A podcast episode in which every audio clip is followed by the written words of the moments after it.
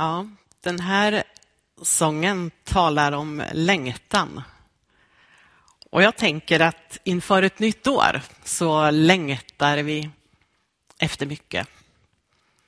Sångens text är tagen ifrån psalm 27 och jag läser några av de verserna till att börja med. Herren är mitt ljus och min frälsning. För vem skulle jag frukta? Herren är mitt försvar. För vem skulle jag vara rädd?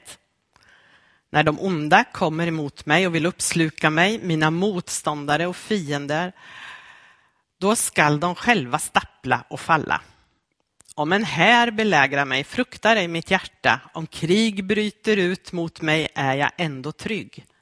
Ett har jag begärt av Herren, det längtar jag efter, att få bo i Herrens hus i alla mina, mitt livs dagar, för att se Herrens ljuvlighet och betrakta hans tempel.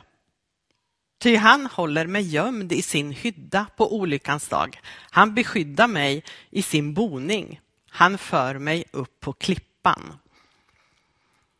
Ja, du får gärna fortsätta att läsa hela den salmen senare idag.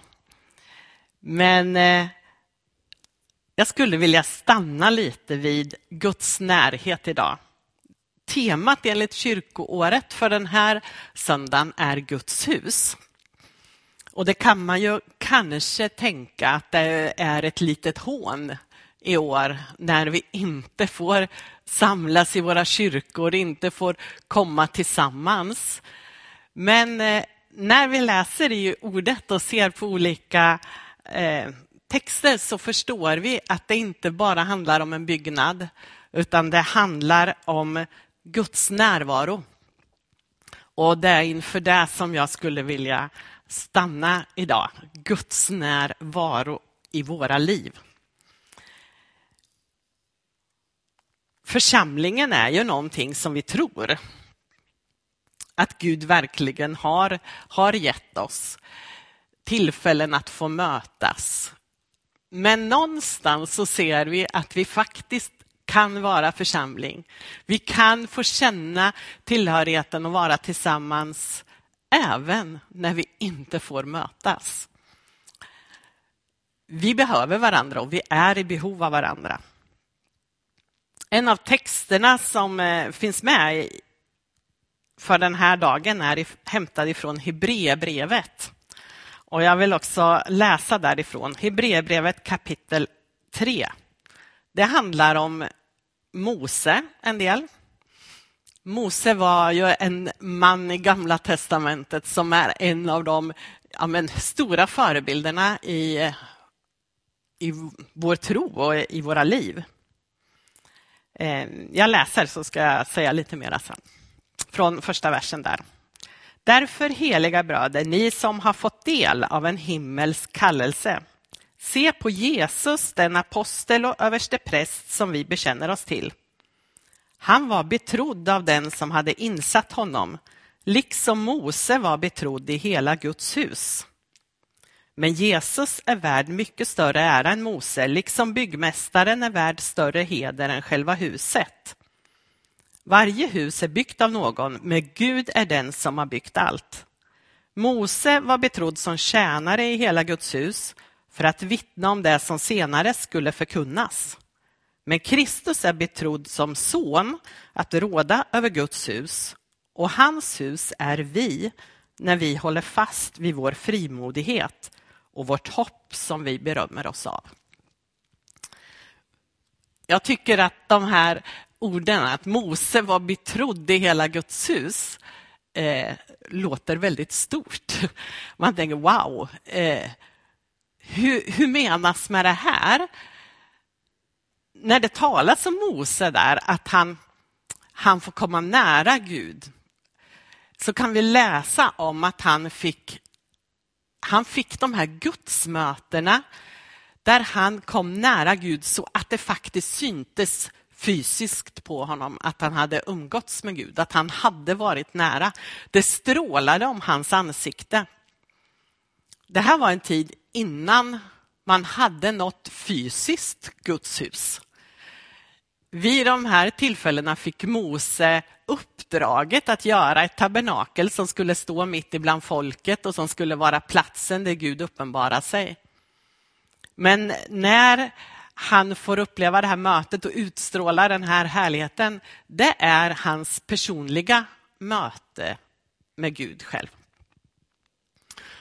Och i det här så kan vi på något vis förstå. Mose var bara en förebild av Jesus. Han var stor, han fick vara med om stora saker och, och mäktiga saker. Men någonstans är det någonting som pekar fram emot Jesus själv. Och om man då ser på de här orden så tänker jag Guds hus står för platsen eller för, ja, för när Gud uppenbarar sig. En plats där Gud uppenbarar sig. Det står för Guds närvaro. Och där har vi ju församlingen som en plats där Gud vill möta sitt folk. Vi har blivit kallade in i den här gemenskapen med honom och med varandra. Men det fanns, om man tittar på den förebild som Moses sen fick bygga det här tabernaklet, så fanns det både den här gemensamma platsen man gick till, men det var alltid ett individuellt möte. Jag kom med mitt offer och gav till Gud.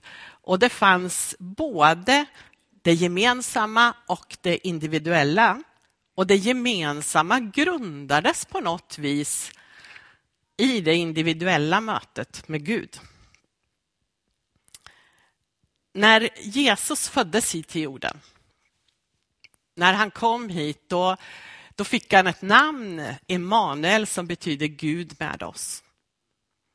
Så han, han tog liksom Gud närmare oss människor. I Gamla testamentet när vi läser så ser vi att Gud uppenbarar sig för vissa individer. Men när Jesus kom hit så blev Gud tillgänglig på ett annat sätt. Han kom nära. Han tog med sig Gudsriket i sin bräckliga mänskliga kropp. Och människor som kom nära Jesus kände av den här närheten. De fascinerades av hans sätt att tala, av hans sätt att möta människor. Man drogs till honom. Men när Jesus sen dog och uppstod igen och for till himlen så gjorde han det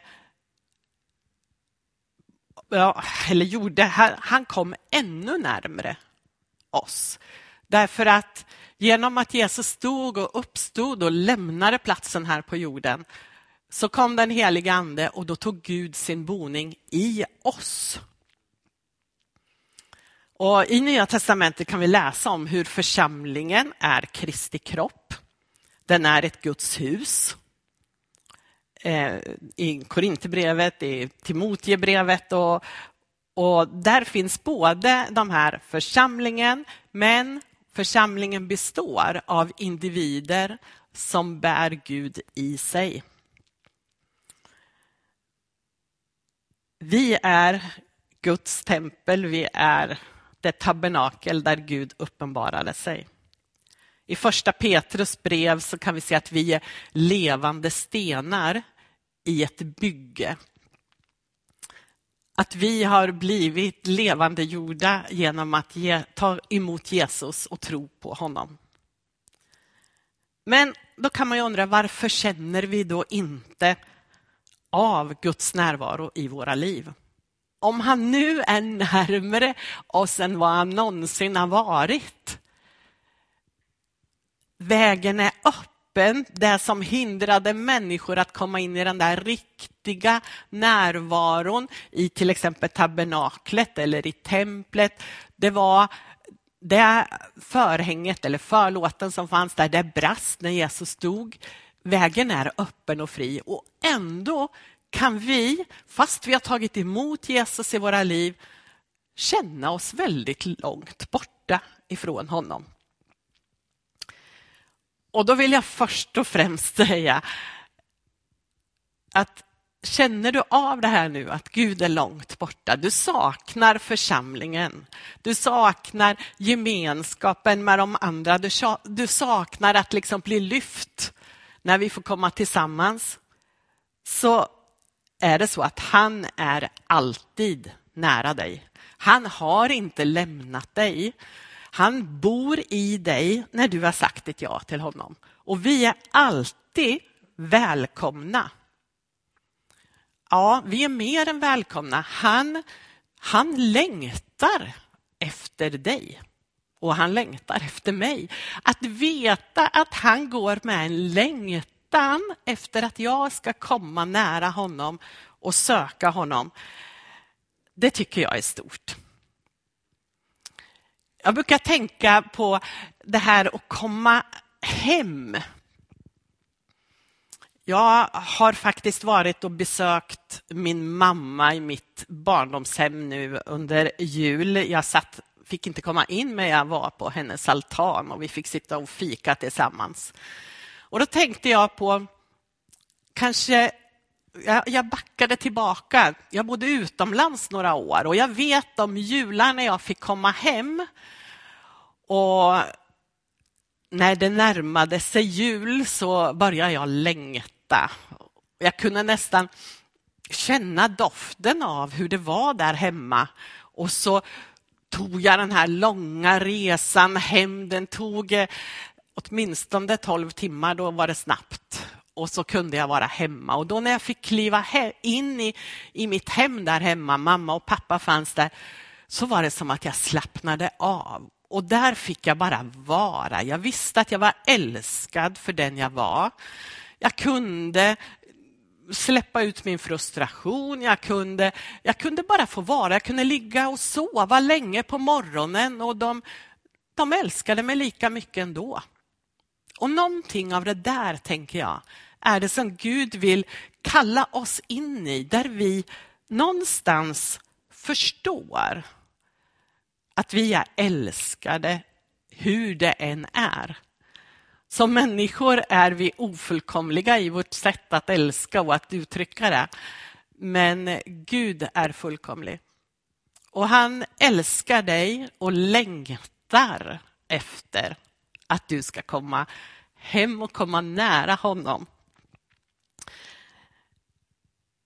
När vi är borta ifrån det där så saknar vi det och vi längtar. Men ibland så måste jag säga att, om jag ska vara riktigt ärlig, längtar jag jämt efter mer av Jesus? Längtar jag jämt efter hans närhet? Och känslomässigt gör jag faktiskt inte det jämt.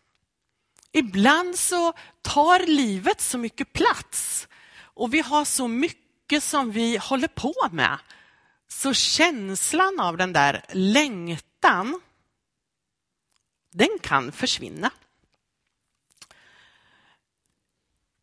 Och då tänker jag att när vi ibland sen stillar ner oss, eller när jag faktiskt lugnar ner mig, inte stressar så mycket, då väcks någonting i mig. Men det kan också vara små, små detaljer som väcker den där längtan. Jag vet inte om du har upplevt det, men jag har ibland upplevt att när jag har, ja, jag har faktiskt pratat i telefon och känt att oj, när jag pratar med den här människan så förstår jag att här finns någonting som jag längtar efter. Och så blir jag väcks en längtan som gör att jag söker mig närmare Gud.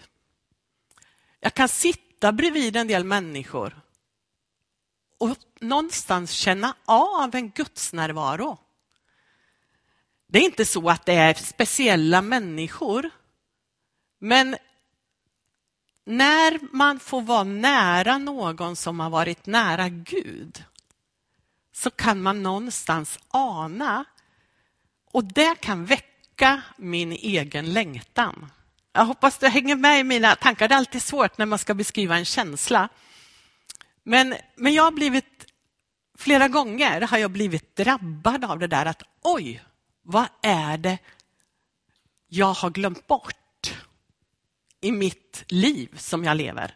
Vad är det jag saknar egentligen? För när jag kommer nära människor som kanske har haft en tid av avskildhet, kanske har upplevt något speciellt, kan ha gått igenom svårigheter och dragit sig nära Gud, då väcks någonting i mig.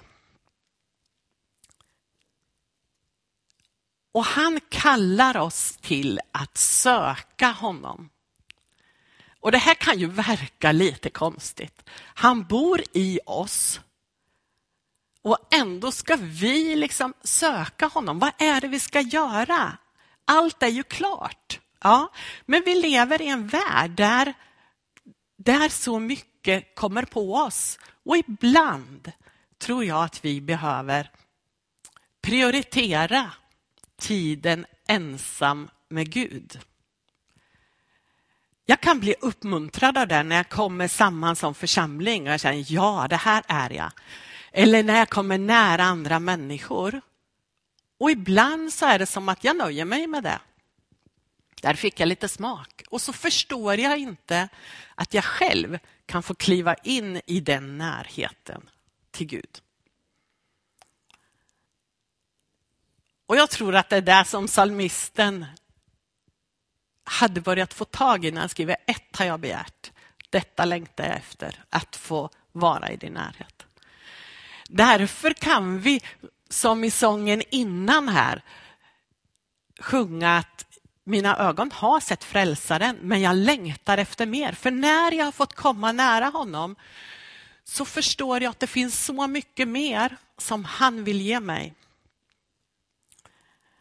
Det står om ett ord som kan vara lite svårt, helgelse. Om vi bläddrar fram i Hebreerbrevet där vi läste förut så står det i det tolfte kapitlet att vi behöver ha blicken fäst på Jesus för att vi inte ska tröttna och ge upp. Och lite senare så står det så här. Sträva efter frid med alla och efter helgelse, ty utan helgelse kommer ingen att se Herren. Och då kan man tänka, vad är helgelse? Gud är helig. Ja, det kan jag förstå. Hur ska jag då bli helig? Men att Gud är helig betyder att han är avskild ifrån allt som är synd. Alltså han är avskild, han är avskild för ett syfte. Och när vi blir, när vi ska liksom helga oss eller när vi ska arbeta på vår frälsning så handlar det om att vi ibland skalar bort det som distraherar oss och det som gör att jag inte tränger mig närmare honom. Det kan vara att jag prioriterar tio minuter på morgonen för att läsa en bibelvers, stilla ner mig inför dagen. Det kan vara att jag prioriterar längre tid. Det kan vara att jag tar en liten stund tillsammans med familjen och säger, ska vi bara be tillsammans? Vi sitter kanske mitt i och pratar om allt möjligt och så känner vi, åh, nu ber vi. Jag tror att alla de där små handlingarna, det är helgelsen i våra liv. Det gör att vi blir, vi, vi liksom puttar andra saker åt sidan för att få vårt fokus på Gud. Det kan vi inte. Vi kan inte putta hela livet. Jag tror inte att vi ska gå undan och bli några heliga varelser som inte lever i den här världen. Men i de där små stunderna, ibland kanske lite längre, ibland lite närmare, så vill Gud komma nära dig och låta dig förstå att han, han vill vara din vän. Jag tror att under den här tiden, så har jag upplevt det, att Gud på ett särskilt sätt kallar oss in i en närhet till honom.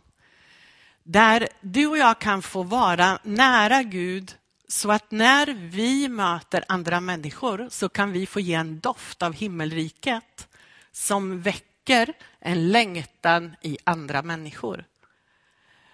Att vår församling får vara en plats som väcker någonting till liv i människor. Så var vi ens finns utspridda så doftar vi av Guds närvaro i våra liv. som gör att människor söker sig nära honom. Ibland så kanske det är så att de inte ens förstår att de kan söka sig nära honom själva, utan de kommer till dig. Men någonstans blir det här en process som rullar igång någonting. Du kan få smitta av himmelriket. Jesus säger till lärjungarna i Johannes 15 att jag kallar er inte längre tjänare, jag kallar er vänner. För jag vill dela det som är på mitt hjärta med er. Gud längtar efter att få dela det som är på hans hjärta med dig. Så att du kan få, få lysa ut av hans härlighet. Att han kan få dela tankar med dig om vad som är på gång. Ibland så styrs vi väldigt mycket av människofruktan. Vi styrs av vad ska människor tycka och tänka.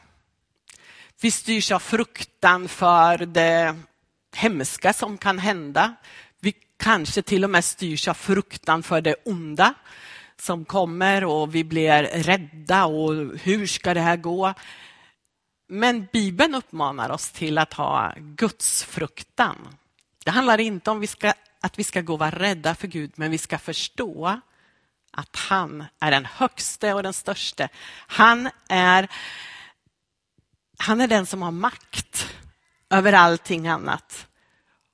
Och han är den som älskar dig just där du är. Han vill kalla dig in i sin närhet, inte för att fördöma dig. Du borde be mer, du borde läsa Bibeln mer, du borde inte av alla borden, utan han kallar dig in i en gemenskap där du får förstå att han älskar dig, han har gett sitt liv för dig och han vill leva i närhet med dig. Han finns där. Han längtar efter din närhet. Precis som en förälder längtar efter att barnen ska komma. Man ser fram emot. Så föreställer jag mig Guds glädje när vi söker hans ansikte. Att han står, ja nu, nu snart ska jag få tillfälle att vara överösa dem med min kärlek, med min närvaro i deras liv. Jag skulle vilja inbjuda dig, där du finns, att sträcka ut dina händer. Känn inte att det innebär en massa krav. Men du kommer möta motstånd när du vill söka Gud.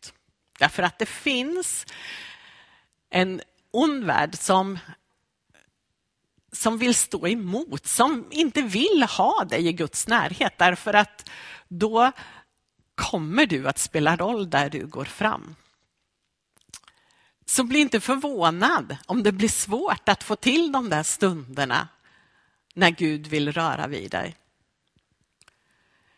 Men förstå också att när du då söker dig nära honom trots det motståndet, då är han där och då vill han röra vid dig. Sträck ut dina händer till honom. Han kan väcka längtan i dig om du inte har den redan. Eller så går du med en jättelängtan och frustration över det som inte är som vanligt, över det att Gud känns långt borta. Men sträck dig ut mot honom, han vill komma nära dig. Du kan också få lägga av oro, fruktan för olika omständigheter. Vad ska det bli med allt det här? Hur ska jag göra i allt det här? Lägg av det hos honom och säg Gud ta hand om det här. Nu är det i dina händer. Och har du aldrig sagt ett ja till Jesus, har du inte tagit emot honom i ditt hjärta, då kan du också bara få sträcka ut dina händer och säga Jesus, jag vill leva tillsammans med dig. Förlåt mig mina synder, ta emot mig som ditt barn. Så kommer han att röra vid dig. Och då skulle jag också uppmana dig att gärna ringa till vår bön och samtalsjour och samtala med människor så kan de leda dig vidare i ett liv tillsammans med Jesus. Nu ber vi tillsammans. Tack Gud för att du eh, har valt att komma nära oss. Genom Jesus Kristus så gjorde du det möjligt. Tack för att vi kan få ta emot dig i våra liv. Men jag ber också att, vi ska, att du ska hjälpa oss att kunna sortera och ibland lägga ifrån oss allt det som vill uppta våra liv. Som vill, vill få oss att någonstans glömma bort var det är vi har vår styrka, var det är vi har vår frid. Ber att du ska hjälpa oss i att söka dig. Hjälp oss att inte bara tro att det är andra som kan få uppleva dig eller att det bara är när omständigheterna är på ett visst sätt, utan hjälp oss förstå att där vi är nu, där vi finns, vill du komma nära.